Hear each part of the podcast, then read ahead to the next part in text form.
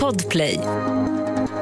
Veckans avsnitt sänds i samarbete med Svenska Frisörskolan. Ja, ett yrke där det finns goda förutsättningar att få jobb är ju faktiskt frisör. Och ska du gå Sveriges bästa frisörutbildning så är det Svenska Frisörskolan som gäller. Eller om du vill bli barberare. In och läs mer på svenskafrisörskolan.se. Och varmt välkommen till Snutsnack. Podden där vi ja, snackar snutsnack helt enkelt. Idag heter min gäst David och jag tyckte det kändes så spännande och intressant att än en gång få besök av en kriminaltekniker. Vi får höra om ett ärende som satte sig ganska djupt i David och han har några teorier om varför till och med svärmor såg att han hade tankarna någon annanstans när han var involverad i det här ärendet, mordet på Caroline. Ehm, på Patreon, i det avsnittet, får vi höra om två styckmord. Ja, det är inte alltid det bjuds två styckmord, men det är ju så när man har kriminaltekniker som gäst, då kommer det lite mer makabra och dyker upp. Så är det. Facebook och Instagram finns vi på. I övrigt, ta det försiktigt här ute. Och så hoppas jag att du får en trevlig lyssning. 1310 1070 kom. 1310 Odengatan kom. Ja, det är uppfattat. Vi tar det. Slut. Bra. Klart slut. Varmt välkommen till Snutsnack David. Jajamensan. Tack. Du sitter eh, långt ifrån mig nu. Jag är i Stockholm och du är uppe i norr. Ja, jag har kontoret uppe i Skellefteå och faktiskt jag är nästan nyinflyttad hit. Jag har eh, bytt stationeringsort. Jag har jobbat många, många år uppe i Luleå eh, men eh, flyttade på grund av, eh, egentligen det är min frus fel som gjorde att vi flyttade. Ja, men ofta är det det. Så, jo, precis. Så att det, det blev söderut men inte så långt. Vi bytte bara län. Ja, Okej, okay. men det låter som du är sprungen också kanske uppe ur de norrländska skogarna. Ja, det, det, det, skulle man väl kanske kunna tro. Men faktum är att jag är faktiskt född i Borås på Aha. kvinnokliniken där 1970. Men eh, vi, min, både min mamma och pappa är ju uppifrån Norrbotten så att när jag var ganska liten så flyttade vi upp till en by som heter Älvsbyn. Mm. Eh, och eh, där har jag vuxit upp eh, lärt mig cykla på bakhjulet, eh, kört moped och hade en enorm respekt för polisen. Jag tänkte att shit, det där är ju typ övermänniskor. eh, tills, tills jag själv då kom på att eh, ja, men, jag kanske ska bli polis. Så jag sökte, sökte polis då 90, kom in 91 och mm. upptäckte då att nej, poliser är faktiskt vanliga människor de också. Ja. Trimmade du moppen i Älvsbyn? Uh, det är preskriberat i sådana fall. Jo, faktiskt lite grann. Men jag hade en Yamaha FS1 och den, den gick faktiskt 42 kilometer i originalskick så jag behövde bara ha en, en eh, annan förgasare med 16 mm insug så gick den 50 och det räckte för mig faktiskt. Ja, ja okej. Okay. Ja. det är bra. Du drev aldrig? eh, nej, nej. Ja, det gjorde jag inte. Jag kommer ihåg, det var en stor grej. Jag är, vi är ju jämngamla då kan man väl säga i stort sett. Det skiljer tre år. Men det var ju mycket det där med mopparna och vad man skulle sätta på förgasare och drev och allt möjligt. Det var ja, spännande tid. Ja. Precis, och en del hade ju trekanalscylindrar och, och sju och en halv hästars cylindrar så att de gick ju som trollade skott. Men jag var lite lugnare faktiskt av mig. Ja. Men den där tanken då, var det liksom eh, tanken att själv bli en övermänniska? Var det därför du sökte eller hur kom tanken in liksom att polisyrket verkar vara något för mig? Ah, det, ja, det, det, hela började med att när jag eh, i 20-årsåldern, jag var på en reseledarutbildning i Österrike och eh, tänkte väl jobba li, lite grann inom turistbranschen och hamnade uppe i Björkliden mm. eh, efter den utbildningen. Eh, visserligen som diskare men, men eh, jag åkte ju sjukt mycket skidor eh, mm. som, som diskare och eh, men du vet på, på en sån där anläggning så, så upplevde jag att eh, eller just, just då så kändes det som att ja, men det här med turism, det var inte min grej för att det kändes som att hela verksamheten där var ungefär som en dokusåpa. Du vet att eh, kocken blir kär i kallskänkan och, och det blir...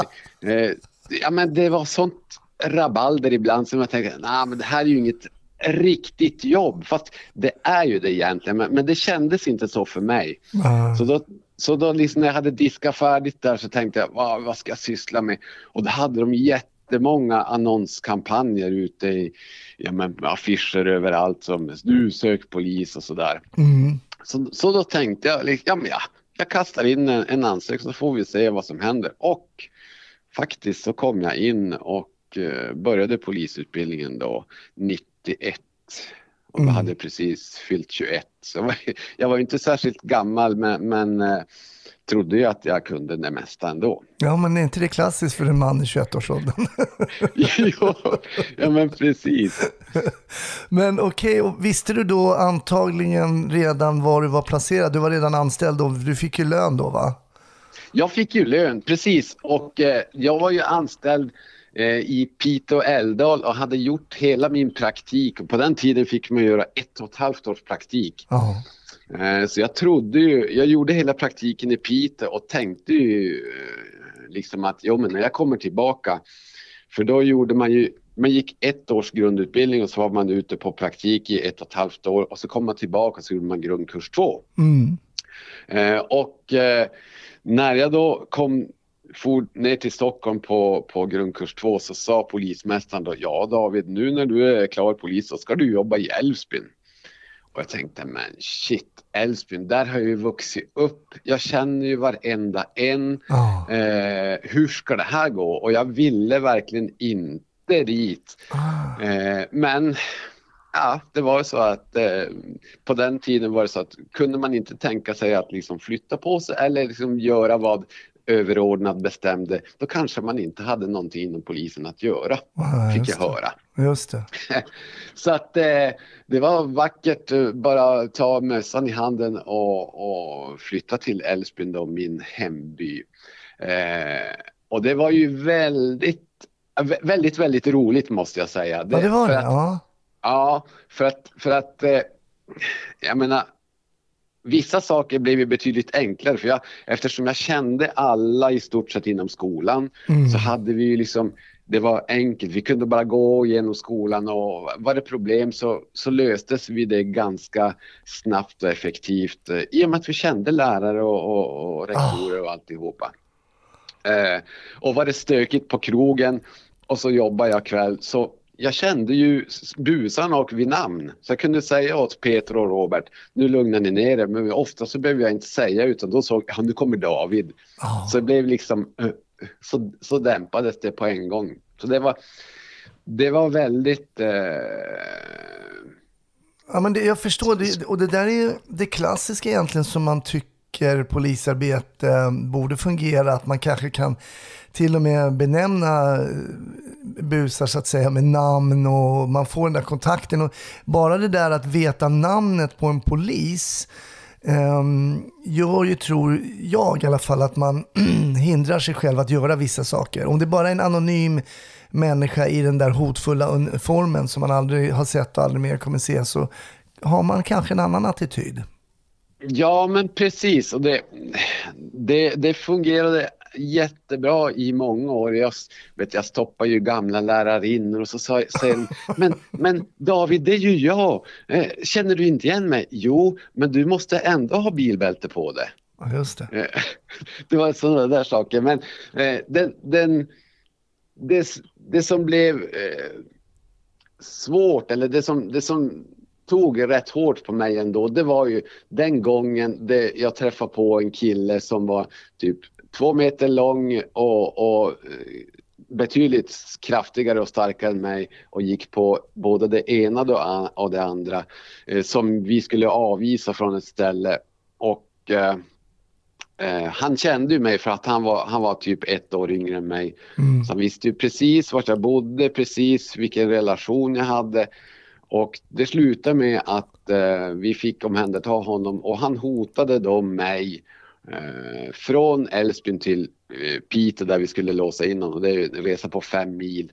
Mm. Hela vägen dit så hotade han mig på olika sätt. Och då kände jag att ah, det var inte så jätteroligt att, att bli hotad på det sättet. För han kunde ju sätta sina hot ja. ordentligt. Mm. Ja, där har vi baksidan då när man känner till. Det är ju baksidan, mm. precis.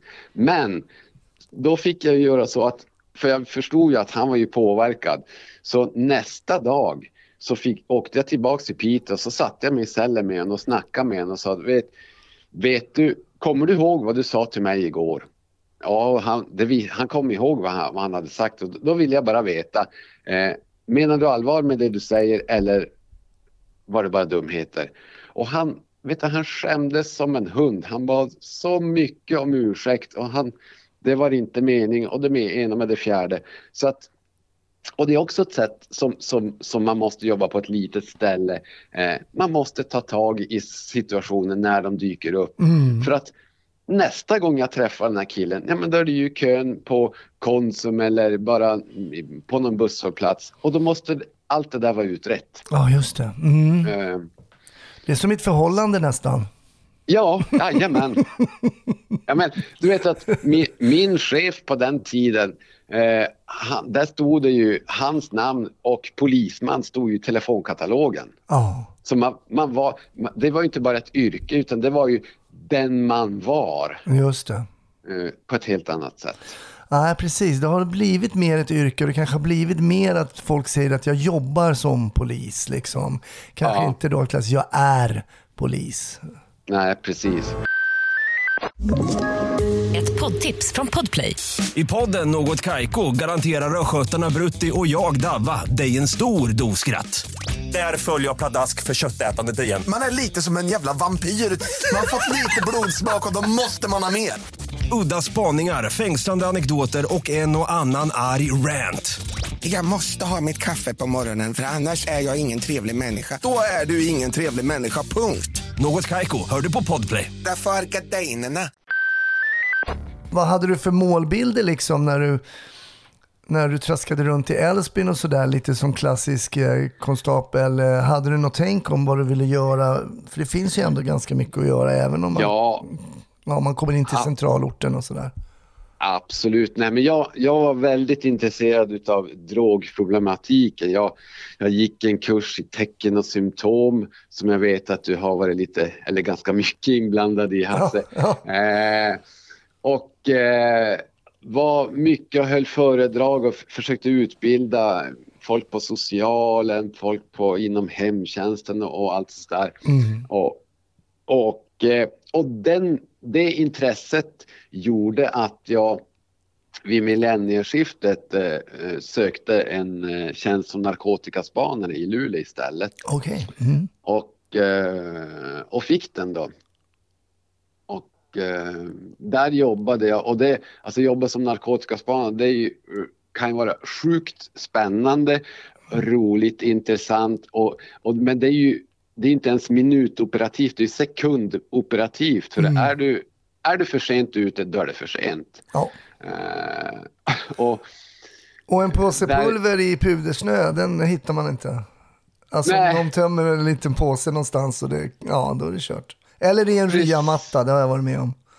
Ja, ja men exakt. Eller i toalettstolen och oh, stolar och, oh. så vidare. Så att, eh, och det, men det var, det, var, det var lite speciellt eh, för hos oss så, så på den tiden så, så, så åkte ju många ner till Stockholm, Göteborg och Malmö och köpte sitt knark och så, så åkte man upp och det gjorde ju att telefonen kunde ringa mitt i natten och, och, så sa någon, du David, nu måste vi ner till Stockholm. Jaha, okej. Okay. och så var det bara att hoppa i bilen eller sätta sig på flyget och så åka iväg. Eh, och så sa du frun, ja hur länge blir du borta? Nej jag vet inte, var ska du? Ja jag vet inte. Eh, så att det var, oh. det var ganska tufft för min fru som fick vara hemma då med, med två eller tre småbarn. Ja det är tufft. Ja, eh, ja så att det, det var det var en ganska tuff eh, period just då. Men eh, grejen var också, de, de, vi, de vi tog i början av min narkotikakarriär så att säga, de kom ju ut efter en två, tre, fyra år. Mm. Och, och, och i, i slutet när, när jag hade liksom började fundera på kanske andra saker så, så träffade jag på en av de här missbrukarna som jag, som jag tog i, i början. Mm. Och så titt, tittade han på mig och så sa han, pekade på mig och sa, men du dig känner jag igen. Eh, och så tänkte jag, men jag ska ju jobba som spanare. Det är inte meningen att, att jag ska bli igenkänd överallt. Utan, ja, så då, då, då, fatt, då förstod jag att ja, jag är nog ingen vidare spanare helt enkelt. Jag ska nog kanske göra någonting annat. Och eh, det här med kriminalteknik blev ju min grej kan jag säga. Hur kommer det sig då? Först skulle jag vilja flika in där, jag flika in en grej angående, för vi var nämligen uppe, jag jobbade ju på någonting som heter Rave-kommissionen och då var vi uppe i Luleå en gång eh, och skulle jobba på krogen i Luleå med de spanarna som ni hade. Jag tror inte du jobbade där då, det här måste ha varit 97, 98 någon gång. Ja, nej, det var före min tid. Men det jag reagerade på var ju det att i Stockholm när vi kom fram till folk på krogen så legitimerade de oss och så polisen följde med mig och de flesta följde med. Men i Luleå var det en helt annan attityd. och jag vet inte om det var för att just min dialekt kanske sa så här från polisen. Han bara, men vem trodde att det kom hit en jävla Stockholmsjävel och ska tro att han är något liksom. Det rök sådana här, vi var inne på någon krog du vet där toaletterna är avdelade i så här med skärmar egentligen bara. Det är ju väggar ser ja. ut som, men de rök all världens väg, de där väggarna. Och det var otroligt liksom, det var en otroligt problem med just, jag vet inte om det var Stockholmsgrejen och det var en blandning mellan polis och Stockholms ogillande som gjorde att det blev ganska mycket mer våld än vad vi var vana vid när vi var på krogen i Stockholm. Ja. Det var en väldigt intressant upplevelse alltså. Det var en helt annan, väldigt aggressiv attityd liksom. Så att, ja. Jag tror att man var helt ovan också i Luleå att det kom poliser på krogen inne på ställena som såg ut lite som dem. Vi var ju lite yngre på den tiden. Eh, och det var någonting de inte hade varit med om. Det var rätt intressant. Ja. Ja. Det var bara en passus med tanke på att du var i Luleå som narkotikaspanare. Men vi återgår till kriminaltekniken. Hur kom den tanken upp? Såg du liksom en tjänst som, eller hade du tänkt på det innan eller? Ja men så här, så här var det. Jag har alltid, i hela mitt liv så har jag varit liksom intresserad av hur funkar det och varför, varför hände det här? Och, du vet, för, när man gick i, i, i skolan så det fanns ju två böcker som jag läste från perm till perm. Det var Hur funkar det och Så funkar du. Ah, det är sådana mm. klassiska barnböcker. Och, och jag vet att när jag typ var sex år så, så råkade jag stjäla min stora systers armbandsklocka för jag var intresserad av att se hur en klocka fungerar och jag, jag slog sönder den i små bitar och det trillade ut massa kugghjul och sånt där. Eh, så att just den här biten eh, vad, vad har hänt? Varför har det hänt? Och hur har det hänt? Det, det är sådana saker som alltid har intresserat mig och det är ju precis det som kriminalteknik handlar om. Ja.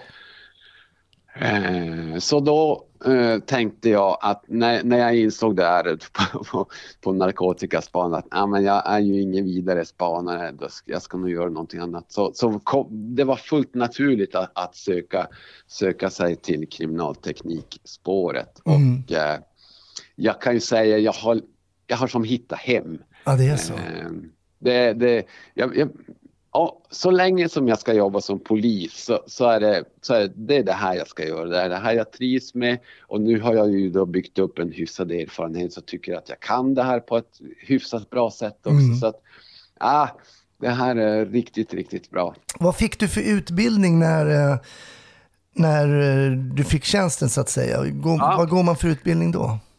Då jag fick ju tjänsten 2005 och då föredrar man att man liksom jobbar ett tag och liksom följer, följer med som, som en tredje person eller, eller även andra person i ett ärende så har man med sig en erfaren kriminaltekniker.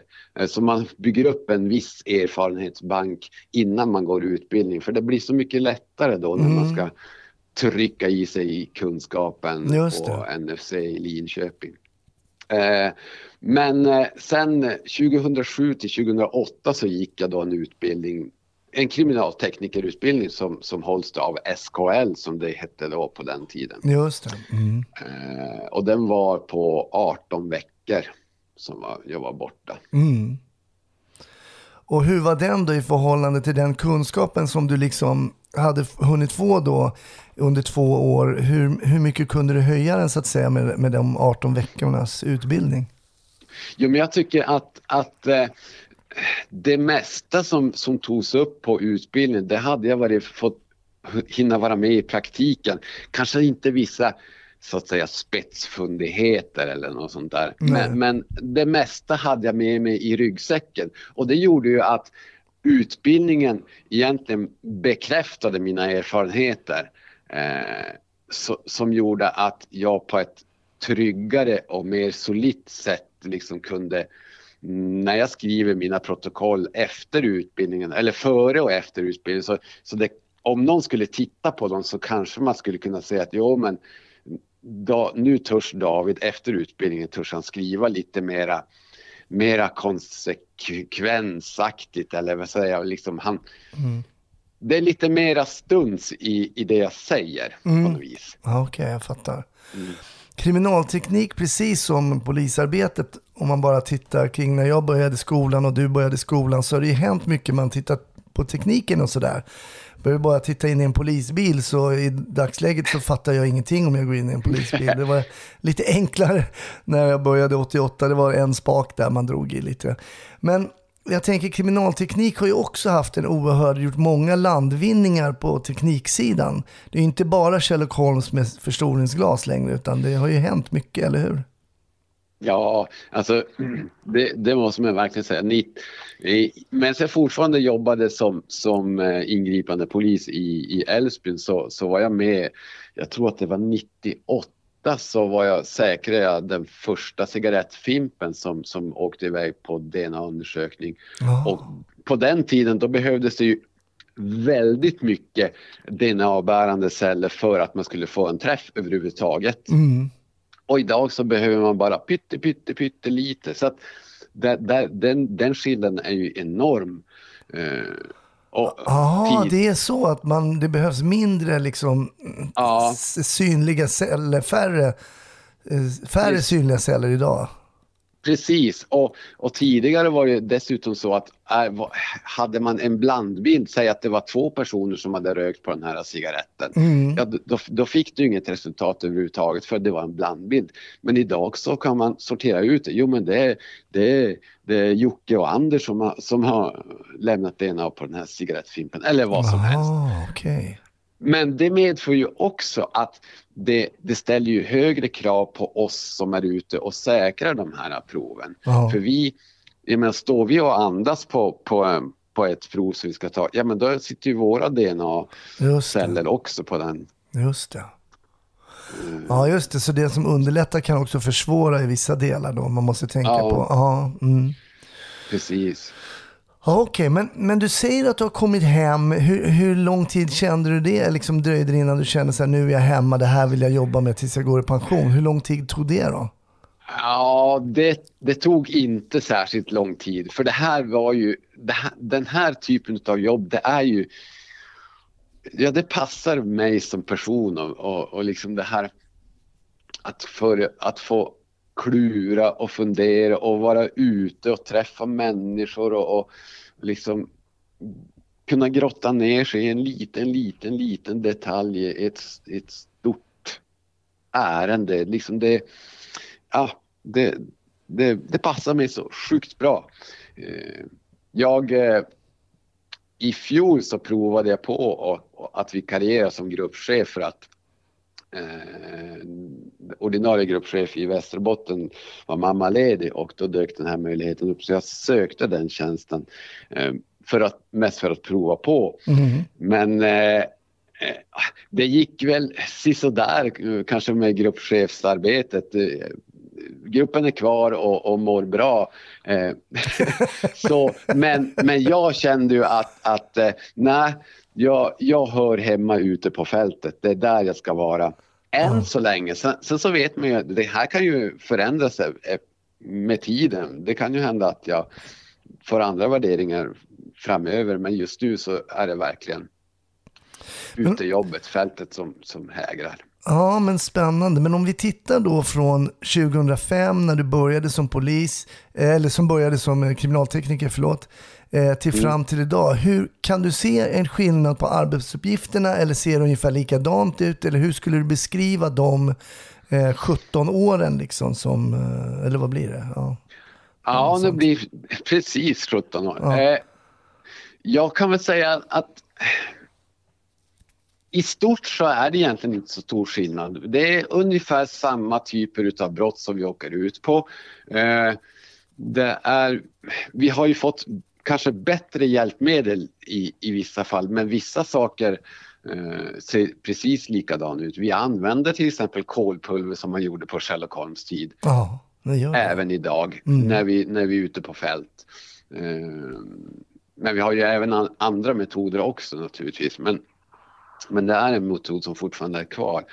Eh, så att, och, däremot så, så, upplever jag i, i min region, alltså norra Sverige, och där kan vi säga, jag jobbar ju nästan på halva Sveriges yta. Mm, ja, så, vet, så då förstår man ju att, att eh, vi har en hel del transporter. Ja.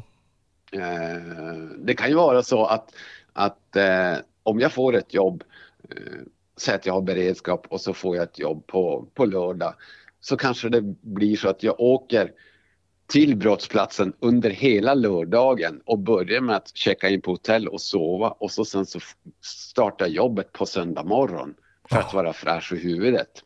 Oh. Naturligtvis är det så att det handlar om ett mord och, och det ligger en kropp någonstans då, ja, men på någon, någon slags eh, värdighetsgrund så, så då gör man ju jobbet med kroppen så fort man kommer fram för den, den vill man ju ska kunna åka ner till rättsmedicin för fortsatt undersökning där. Mm. Eh, men annars eh, så, så kan det mycket väl vara så att, att eh, jo, vi tar in på hotell och sover och så gör vi jobbet nästa dag. Ja, det är ju, jag har ju min fru från Lappland, jag nämnde det när vi pratade innan där, så jag ja. vet ju att det är stora, det är stora ytor att täcka.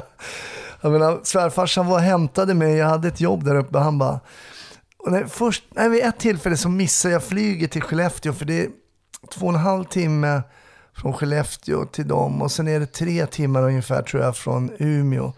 Jag lyckades hitta ett mm. flyg, men nej, no, inte, inte är det någon fara. Jag får till Umeå istället. Det, det, det var ja, tre ja. timmar. Nej men precis. Det, det, var ju så här, när, när jag gick teknikerutbildningen så, så frågade jag mina, mina studiekamrater, ja, men hur ofta är det som när ni är ute på platsundersökning att ni tar in på hotell och sover och så fortsätter ni nästa dag? De förstod inte frågan. Nej, det, det... det är liksom, vadå, vi åker ju hem och så fortsätter vi nästa dag. Ja men Ja, det, är, det är ju aldrig så långt för någon annan än oss i stort sett. Nej, nej, nej precis. Nej, så är det ju. Men jag tänker då med de här, alla de här åren, vad har du för case som du har i din minnesbank som sticker upp när någon liksom ställer frågan till dig? Har du något så speciellt ärende som kommer upp, poppar upp i, din, i, din, ja. i ditt minnes... Jag har ju naturligtvis eh, några stora... Och egentligen kan jag brukar säga så här att, att var fjärde, var femte år ungefär så, så brukar det dyka upp någonting, eh, ett stort ärende som, som jag har blivit engagerad i, än så länge i alla fall. Mm. Och det började faktiskt ganska direkt efter när jag var, när jag var klar kriminaltekniker eh, på våren 2008. Så på hösten 2008 så försvinner det ju en tjej från Piteå som heter Caroline Stenvall. Mm. Eh, och det ärendet blev ju enormt eh, medialt och, och eh, på alla sätt och vis. Det var ett stort ärende, eh, många platsundersökningar, eh, mycket Ja, jag tror att jag åkte till Gällivare 17 gånger eh, i det ärendet, inklusive när jag vittnade i tingsrätten. Mm. Och förmodligen, eftersom det var mitt det var ju mitt eh, första stora case och det, jag har aldrig än så länge inte haft så stort case någonsin eh, i min karriär. Men jag, jag inbillar mig att det ärendet, det kunde inte jag släppa när, när jag for hem utan jag fortsatte tänka på det hemma. Jag fortsatte, jag drömde om det och jag, liksom, vet, jag gjorde konstiga saker. Jag monterade ner brandvarnaren i taket, tog ut den på balkongen och jag prata i sömnen och Men vad, vad, vad gjorde du med brandvarnaren? Du, ja, ingen aning. Jag, jag bara plockade ner den och så ställde jag den på balkongen. när du drömde Ja. om ärendet eller? Jo, men jag, alltså jag gjorde konstiga saker. Jag plockade ner en lampa också och till och med min svärmor så, såg när vi var och plockade potatis eller tog upp potatis. Hon såg att det var inte samma fart på, på, på mig. Han sa, nu är David någon annanstans. Och jag, jag funderar ju på ärendet. Ah. Eh, och eh, Vad var det som gjorde Det- att det här ärendet satte sig så djupt i dig då? Ja, det kan förmodligen så. Det är några saker som, som jag funderar över. Vad, vad, varför, varför blev det så här? Jo, men dels så, så eh, Caroline hon eh, spelade ju ett blåsinstrument och jag spelade trumpet. Mm. Förmodligen så kanske vi Ja, vi kanske har varit på något blåsarläger tillsammans någon gång. Men fast hon är lite för, var lite för ung egentligen. Mm. Men, men dels det och så sen så eh, hon eh, har vu- vuxit upp, växt upp i ett eh, kristet hem med eh, EFS eh, anknytning och Vad är det jag EFS? Vad är det då? Är det, är, Det Evangeliska Fosterlandsstiftelsen, det är som Okej. ett dotterbolag till Svenska kyrkan kan man säga. Okej. Mm. Eh, som eh, fokuserar mer på mission och sådär. Mm. Eh, och eh, det var, och mina, mina svärföräldrar känner Karolins föräldrar. Så det, det var väl kanske sådana saker som gjorde Jaha, att det jag kände fanns några sådana knytpunkter. Eh, Ja, Även om, ja, jag förstår. Mm. Och vad hände i det här ärendet för oss som inte kommer ihåg det som hände med den här flickan? det var, det, det var ju, hon, eh, Caroline var ju på väg upp till, till Jukkasjärvi för en anställningsintervju på ishotellet. Eh, och eh, hon eh, satte sig i sin bil och körde från Piteå och efter vägen någonstans så försvinner hon. Hon, eh, hon, hon reser en fredag och på lördag så ringer hennes pojkvän och anmäler henne som försvunnen. Mm, och eh, som i många andra ärenden så, så blev man ju naturligtvis intresserad av pojkvännen för det statistiskt sett så brukar det vara pojkvännen som har gjort någonting Ja, när, mm. När tjejen försvinner. Men han var nere i södra Sverige någonstans, jag tror att han var hos sina föräldrar. Så att han kunde man ju eh, bortse ifrån helt och hållet ganska Mm. snabbt. just det. Eh, och eh, sen så rullade det på. Vi hade, det var ett par i Hacka som hittade en blodpöl på, på en liten grusväg. Eh, och som man, när man hörde på nyheterna Eh, om, om, om den här försvunna flickan så tänkte man, men du, tänk om det här blodet kan ha med flickan att göra. Eh, så att man eh, kom in till polisen på måndagen då och sa vi har hittat blod.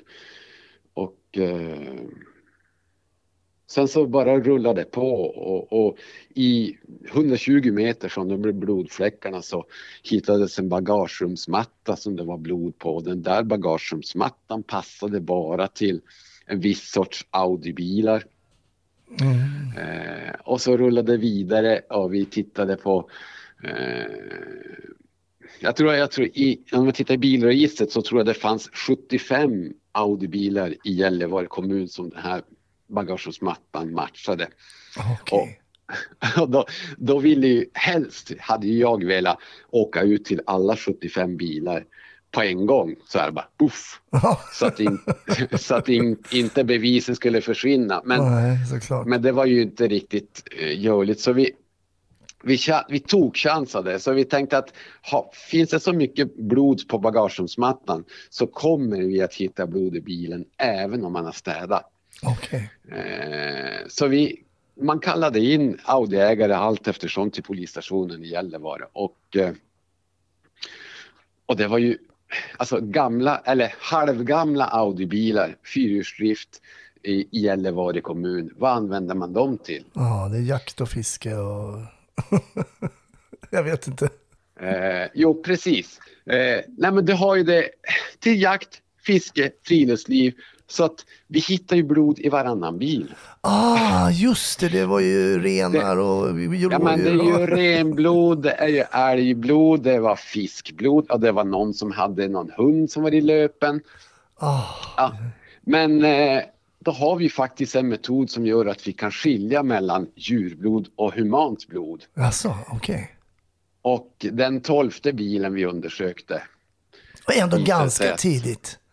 Ganska tidigt, jo precis, ja, men det, ja, det fanns nog någon som hade li, lite, lite koll på läget och som, vi, som, som man värderade vilka man skulle kalla in i ett tidigt skede. Just det. Mm. Eh, så att eh, då var det ju den här eh, Tony Aldén som han heter som, som sedermera då blev dömd i tingsrätten och hovrätten för att ha mördat Caroline Stenvall. Ett poddtips från Podplay. I podden Något Kaiko garanterar östgötarna Brutti och jag, Davva, dig en stor dos skratt. Där följer jag pladask för köttätandet igen. Man är lite som en jävla vampyr. Man har fått lite blodsmak och då måste man ha mer. Udda spaningar, fängslande anekdoter och en och annan arg rant. Jag måste ha mitt kaffe på morgonen för annars är jag ingen trevlig människa. Då är du ingen trevlig människa, punkt. Något Kaiko, hör du på Podplay. Därför är gardinerna. Först hittade man blodet då, då fick man en matchning. Eh, men men ehm, hur, var, var var Caroline någonstans då? Hittade man henne? Jo, nej, men då var det så här att när, när vi hittade blodet så, och eh, bagagerumsmattan så det blev som så konstigt. Undrar, varför, varför lämnar man en bagagerumsmatta vid blodpölen? Ja, Så vi trodde ju först att det här var en typ en omlastningsplats eller något sånt där. Inte att det var själva brottsplatsen. Eh, och, eh, och sen så hade vi ju ingen kropp heller. nej.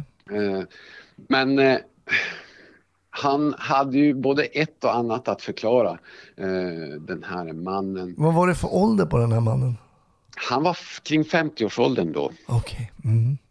och eh, Caroline var ju typ 30. Mm. Eh, så att han, eh, han, han berättade eh, dels vad han hade gjort med kroppen. Han hade tänt eld på kroppen för att han säger typ att han ville att kroppen skulle försvinna. Men vi vet ju att en kropp innehåller ungefär 80% vatten så att, att elda upp en kropp det, det, det är faktiskt svårt. Ja, mm. Och, och det hade han ju han inte lyckats med. Eh, så han hade, han hade tagit kroppen eh, från... Eh, han, han säger att de träffades på, på en, en eh, parkering som heter Stenbron. Och det, det är när E10 viker av för att fortsätta mot Kiruna. Eh, kör man rakt fram efter E10 då kommer man in till Gällivare. Men där vid Stenbron så viker den av. Det finns lite toaletter och, och sånt där, en rastplats. ja.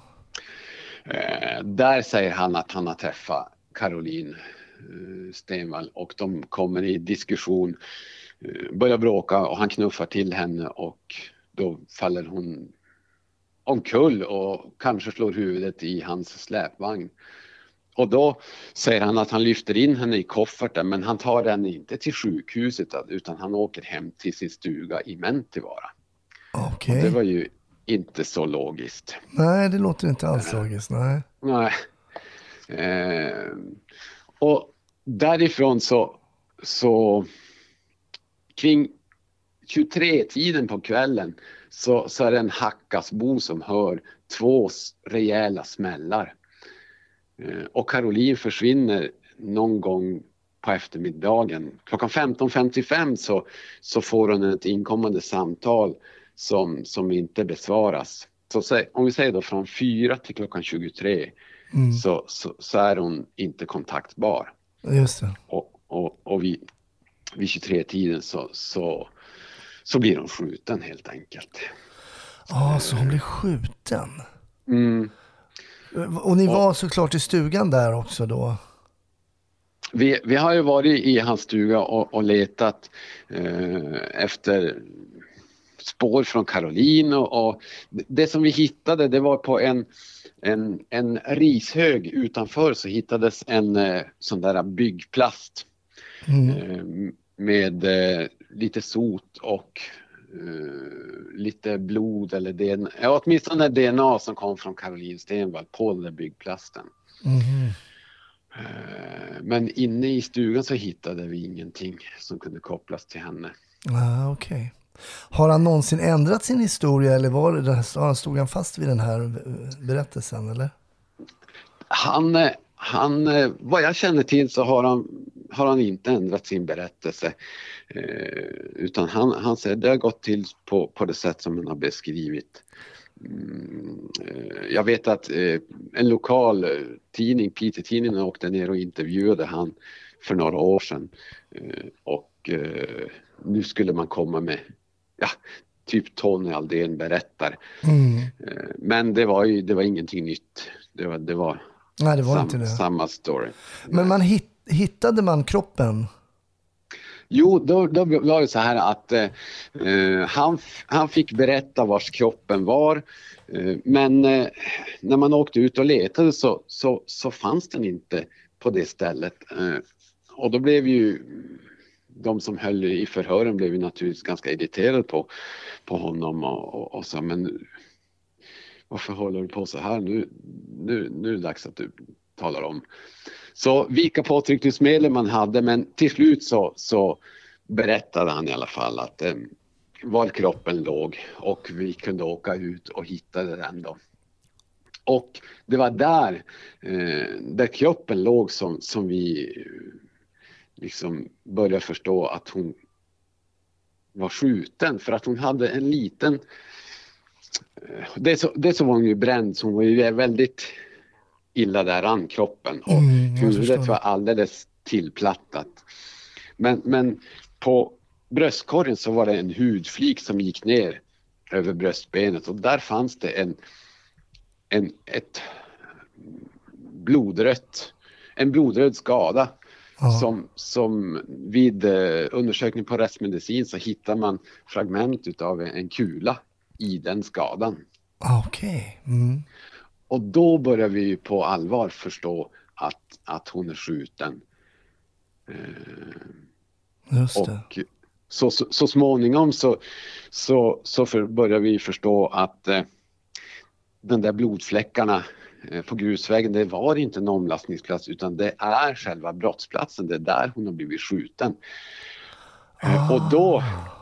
När, när jag inser det så kommer jag ju på att men shit, vi har ju aldrig varit där och med metalldetektorer för det, liksom, det har inte funnits någon anledning. Nej. Så vi måste, vi måste åka dit och köra med metalldetektorer för att ja, men se om vi hittar någon kula eller tomhylsa. Mm. Eh, och eh, vi åkte dit i början på november. Oj, var det mycket snö då? det hade kunnat vara en meter snö, ja. men det var det inte. Det var bara 3-4 centimeter. Aha. Så det var inga problem att köra.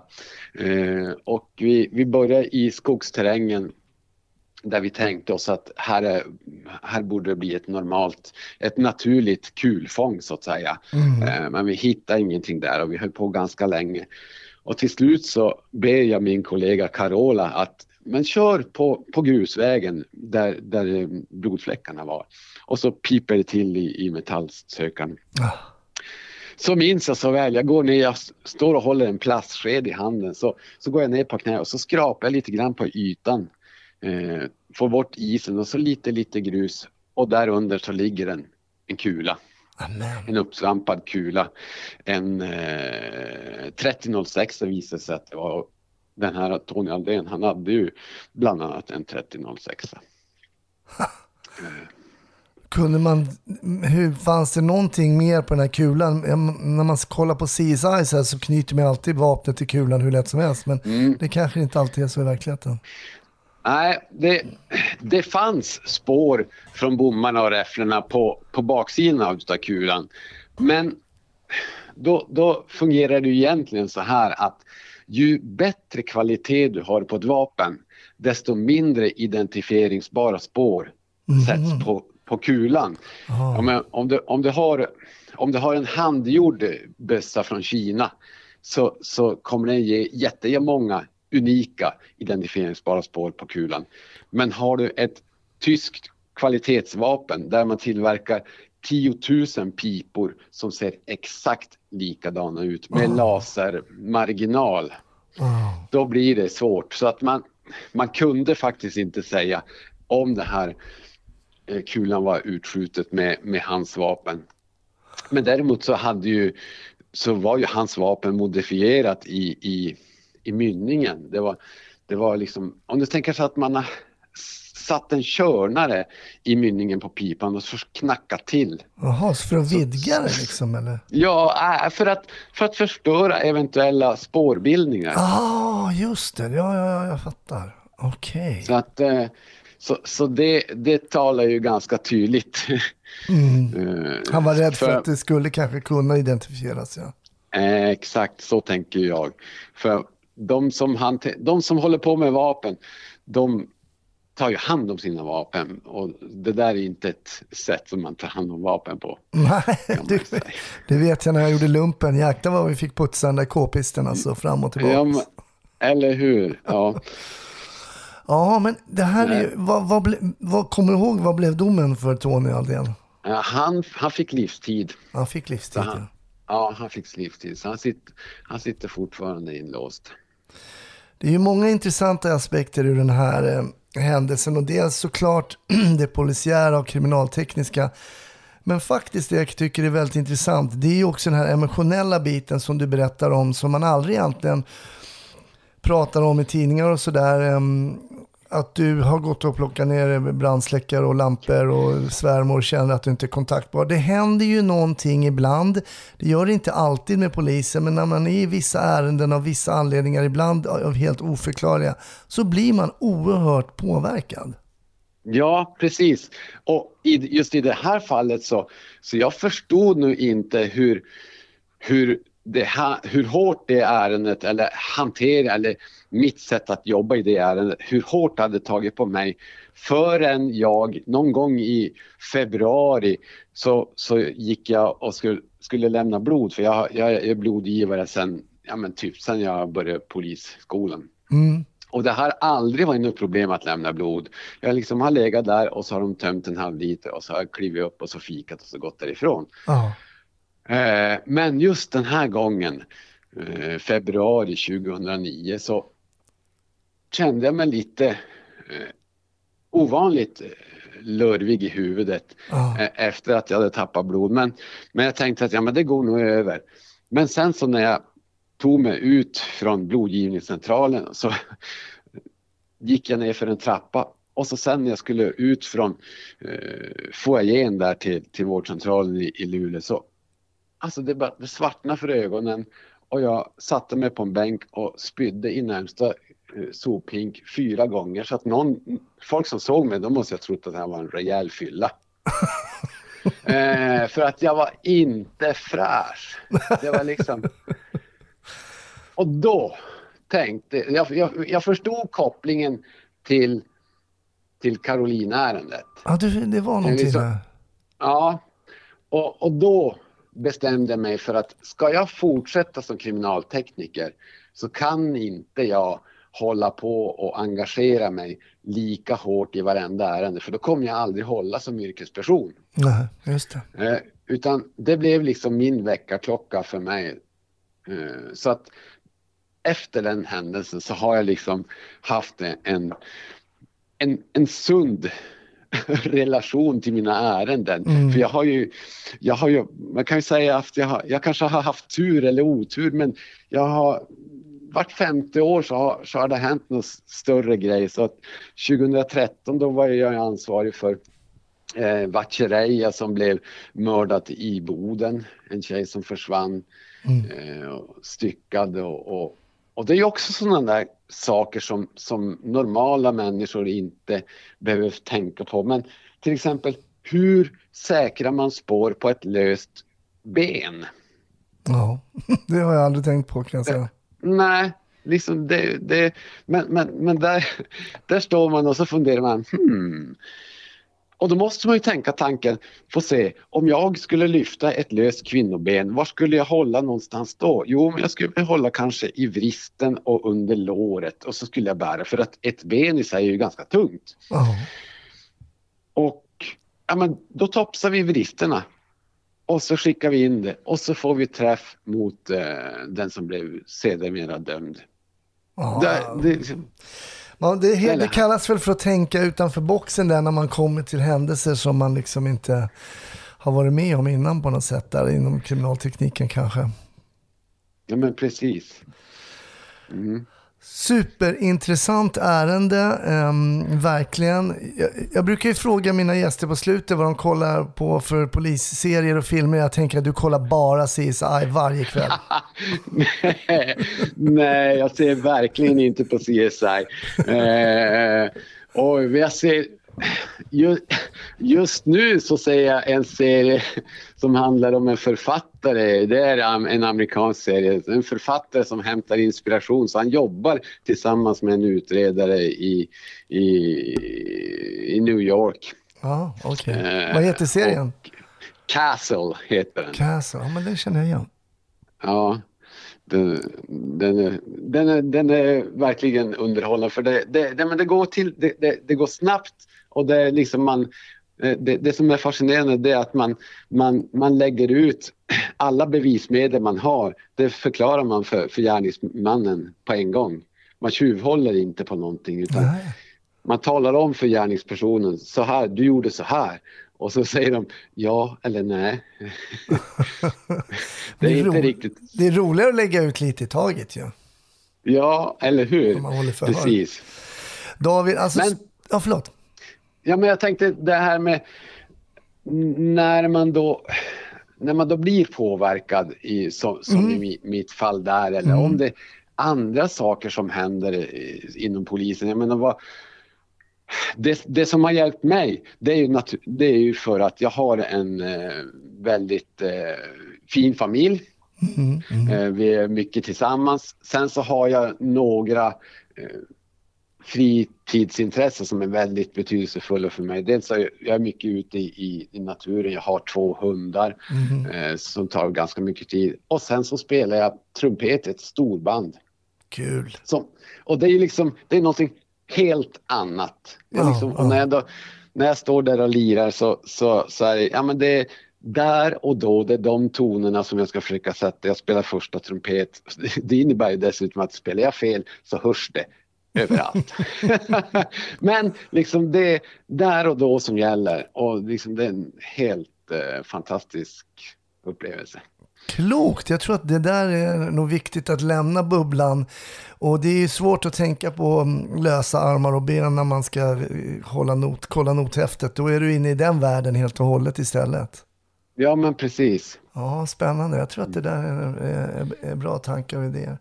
Ja, David, det har varit jätteintressant och stort tack att du har gästat. Vi ska prata vidare lite i ett Patreon-avsnitt, men eh, jag bugar och bockar. Tack så jättemycket för att du Ja, ville vara men du. gäst. Inga problem. Ha det gött. Tack detsamma. Ja. Yes.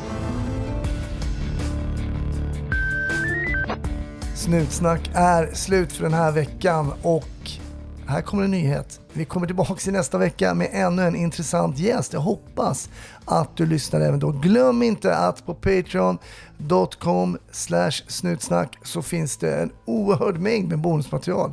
Bland annat då med David från dagens avsnitt men också med många andra. Ha det bra, vi hörs. Hej!